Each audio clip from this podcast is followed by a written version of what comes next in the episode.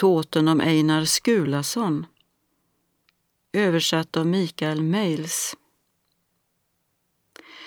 Tåten om Einar Skulason föreligger endast i handskriften Morkinskinna. Einar Skulason hör till en senare generation av skalder. Han är främst känd som upphovsman till dikten Geisli som handlar om helgonkungen Olav Haraldsson och som ska ha framförts i samband med inrättandet av ärkebiskopsdömet i Trondheim år 1153. Einar Skulason befann sig hos kungabröderna Sigurd och Eystein. Eystein, som var Einars gode vän, bad honom göra en lovdikt till kung Olav. Och han gjorde så och framförde den i själva Kristuskyrkan i Trondheim. Då skedde många järtecken och en ljuv doft spreds i kyrkan. Det sägs att kungen själv senare sa att han uppskattat dikten.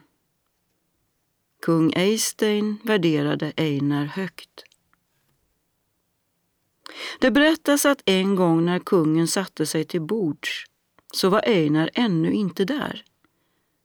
Kung Eystein hade då gjort honom till sin stallare. Detta tilldrog sig norrut, i Trondheimstrakten. Einar hade just besökt nunneklostret på Backe. Då sa kungen, nu ska du straffas för att du inte kommer till bordet, trots att du är kungens skald. Vi kommer inte att försonas om du inte diktar en strof innan jag tömt min bägare. Då framförde Einar en strof. Den sälla buddhissan såg mig gå där hungrig, trots att vigda kvinnor visste bot för sådant. På backe ibland nunnor bjöds ej mat att äta. Kvinnan gjorde knappast kungens vän belåten. Kungen blev mycket nöjd. Det sägs att när kung Sigurd var i Bergen hände det sig att där också var några gycklare. En av dem kallades Jarlman. Denne Jarlman tog en killing och åt den på en fredag och kungen ville bestraffa honom för detta och tänkte låta prygla honom. Men när Einar kom dit sa han Hårt vill du nu fara fram med vår vän Jarlman Kungen sa, det får bli din sak. Dikta nu en strof och så länge du håller på med den ska han pryglas. Einar sa, då vill nog Jarlman att jag snabbt finner orden. Fem rapp hann de ge honom. Då sa Einar, nu är strofen färdig. Den måttligt kristne Jarlman som misshandlar sin fela. Han stal i öst en killing i kötthunger, vår usling. Käppen ven i luften, på vagnen låg han bunden. Vidjans morgongudstjänst mässas hårt för honom. Det hände en sommar att en kvinna som hette Ragnhild kom till Bergen. Hon var en förnäm kvinna och var gift med Paul Skoptason.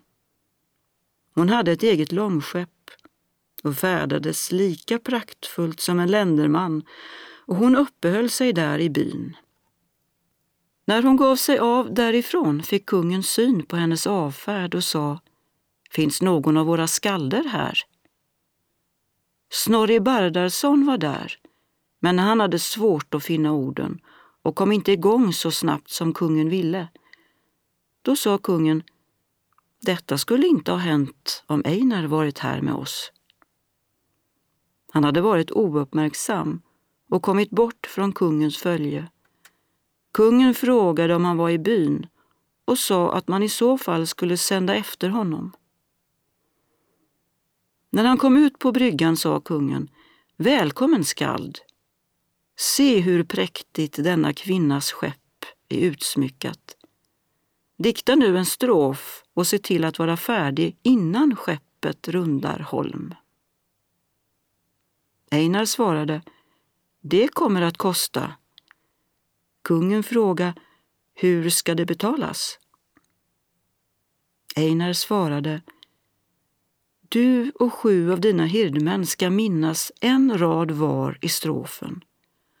Och om ni misslyckas ska jag ha lika många kärl honung som ni inte minns rader. Kungen gick med på det. Då framförde Einar en strof. Den stolta kvinnan klyver böljorna med skeppet. Seglen fylls av vinden i sundet invid Utstein. Knappast finns på jorden ett fartyg med mer dyrbar last än detta sjödjur. Det sjuder omkring stäven. Då sa kungen, jag tror att jag minns detta. Den stolta kvinnan klyver. Ja, sen vet det gudarna. Det sjuder omkring stäven. Men det var ingen som mindes orden i mitten av strofen. Einar var sedan bland kungens män och delade allt med dem.